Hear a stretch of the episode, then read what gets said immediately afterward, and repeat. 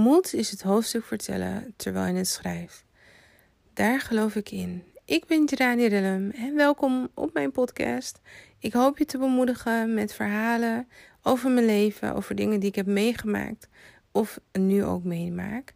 En dat je weet dat je niet de enige bent die door bepaalde dingen heen gaat. Luister je mee? Zo, nog vier nachtjes slapen en dan word ik 35. Vier, het even vier. Um, vier jaar geleden, 2016. Als ik daaraan denk, 2016, kan ik me niet zo heel veel uh, herinneren. Um, I was going through the motions. Uh, zeker in mijn privéleven. Maar wat ik wel heb gedaan, is mijn inmiddels wel vaste contract. Dus als je naar de episode van gisteren hebt geluisterd, uh, weet je dat ik dan net in dienst was getreden in 2015 bij de gemeente. Maar ik heb toen uh, inmiddels, dus binnen een jaar heb ik ervoor gezorgd dat ik een vast contract kreeg voor onbepaalde tijd. En na vijf maanden heb ik die opgezegd, want ik was inmiddels naar Haarlem verhuisd. En ik had geen zin meer om uh, te reizen. En toen heb ik een baan gezocht in Amsterdam. Toen ben ik bij Stichting Doras gaan werken. Voor, dus ik heb mijn vaste contract opgezegd voor een contract voor acht maanden. En waarom acht maanden? Dat was ter vervanging van zwangerschapsverlof van twee dames. Volgens mij was het negen maanden. Het contract was inderdaad negen maanden. En um, nou, daar ben ik aangegaan. Dat was, dat was wel dat ik dacht, oh, waarom heb ik dat gedaan?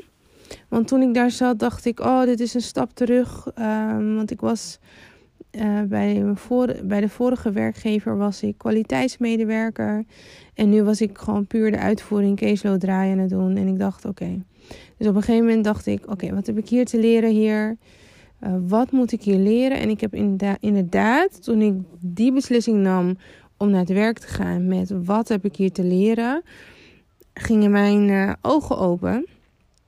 En ik leerde opnieuw de klant te zien. Uh, in plaats van dossiertjes wegwerken. Ik leerde echt naar de klant te luisteren en vanaf het allereerste begin met de klant zeg maar vertrouwensband op te bouwen. Dus dat heb ik geleerd. En vervolgens, einde van het jaar, um, nou, zij, um, heb ik gesolliciteerd naar een andere baan. In de detachering weer bij die andere gemeente. Maar toen in de vorm van um, trainer en projectleider.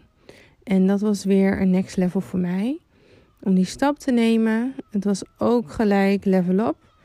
Het was, ik kreeg een leaseauto en een tankpas. En dat was echt heel fijn. Uh, om dan uh, om die vrijheid weer te hebben. Dus dat was mijn 2016. Uh, vier jaar geleden. Maar als ik denk aan het cijfer 4, denk ik ook aan dat meisje van vier jaar dat nachtenlang ontroostbaar was. Omdat haar vader niet meer bij haar moeder was. Dat mijn vader had ons gezin verlaten. En ik miste hem enorm. Um, mijn vader die kwam mij eigenlijk één keer per jaar ongeveer ophalen. Ik zag hem één keer per jaar. En that's it. Dat was de rest van mijn jeugd, ging dat zo een beetje door. Soms twee keer per jaar. Maar daar had ik het mee te doen. En ik heb mijn vader als meisje echt enorm gemist. Dus als ik denk aan het cijfer 4, is het dus vier jaar geleden, 2016. En uh, aan het vierjarige meisje. Maar daarover meer in de episode van morgen. Waar ik het ga hebben over het jaar 2017, drie jaar terug. Weer een enorm keerpunt. Um, dus ja, ik hoop dat je morgen ook weer intuned om uh, te luisteren naar dag drie. Drie nachtjes slapen. Een hele fijne dag.